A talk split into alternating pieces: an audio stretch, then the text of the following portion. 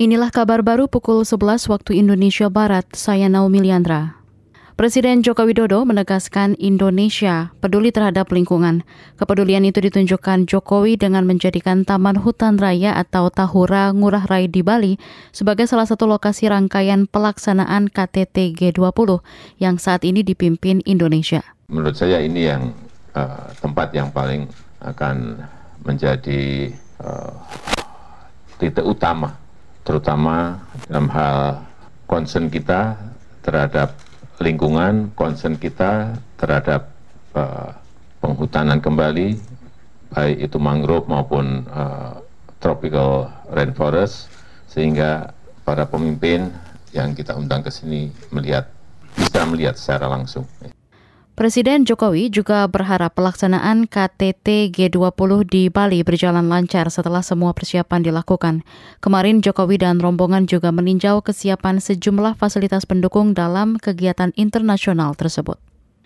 Tim Gabungan Independen Pencari Fakta atau TGIPF membuka kemungkinan tambahan tersangka usai Kapolri Listio Sigit Prabowo mengumumkan enam tersangka di tragedi Kanjuruhan Malang, Jawa Timur.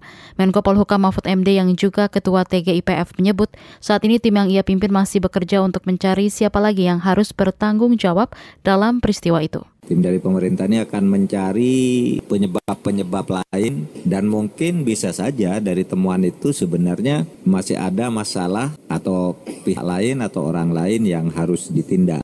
Itu tadi Menko Polhukam Mahfud MD. Sebelumnya, Kapolri Listio Sigit Prabowo menetapkan enam tersangka dalam tragedi Kanjuruhan pekan lalu. Tersangka itu di antaranya petinggi PT Liga Indonesia Baru hingga komandan kepolisian.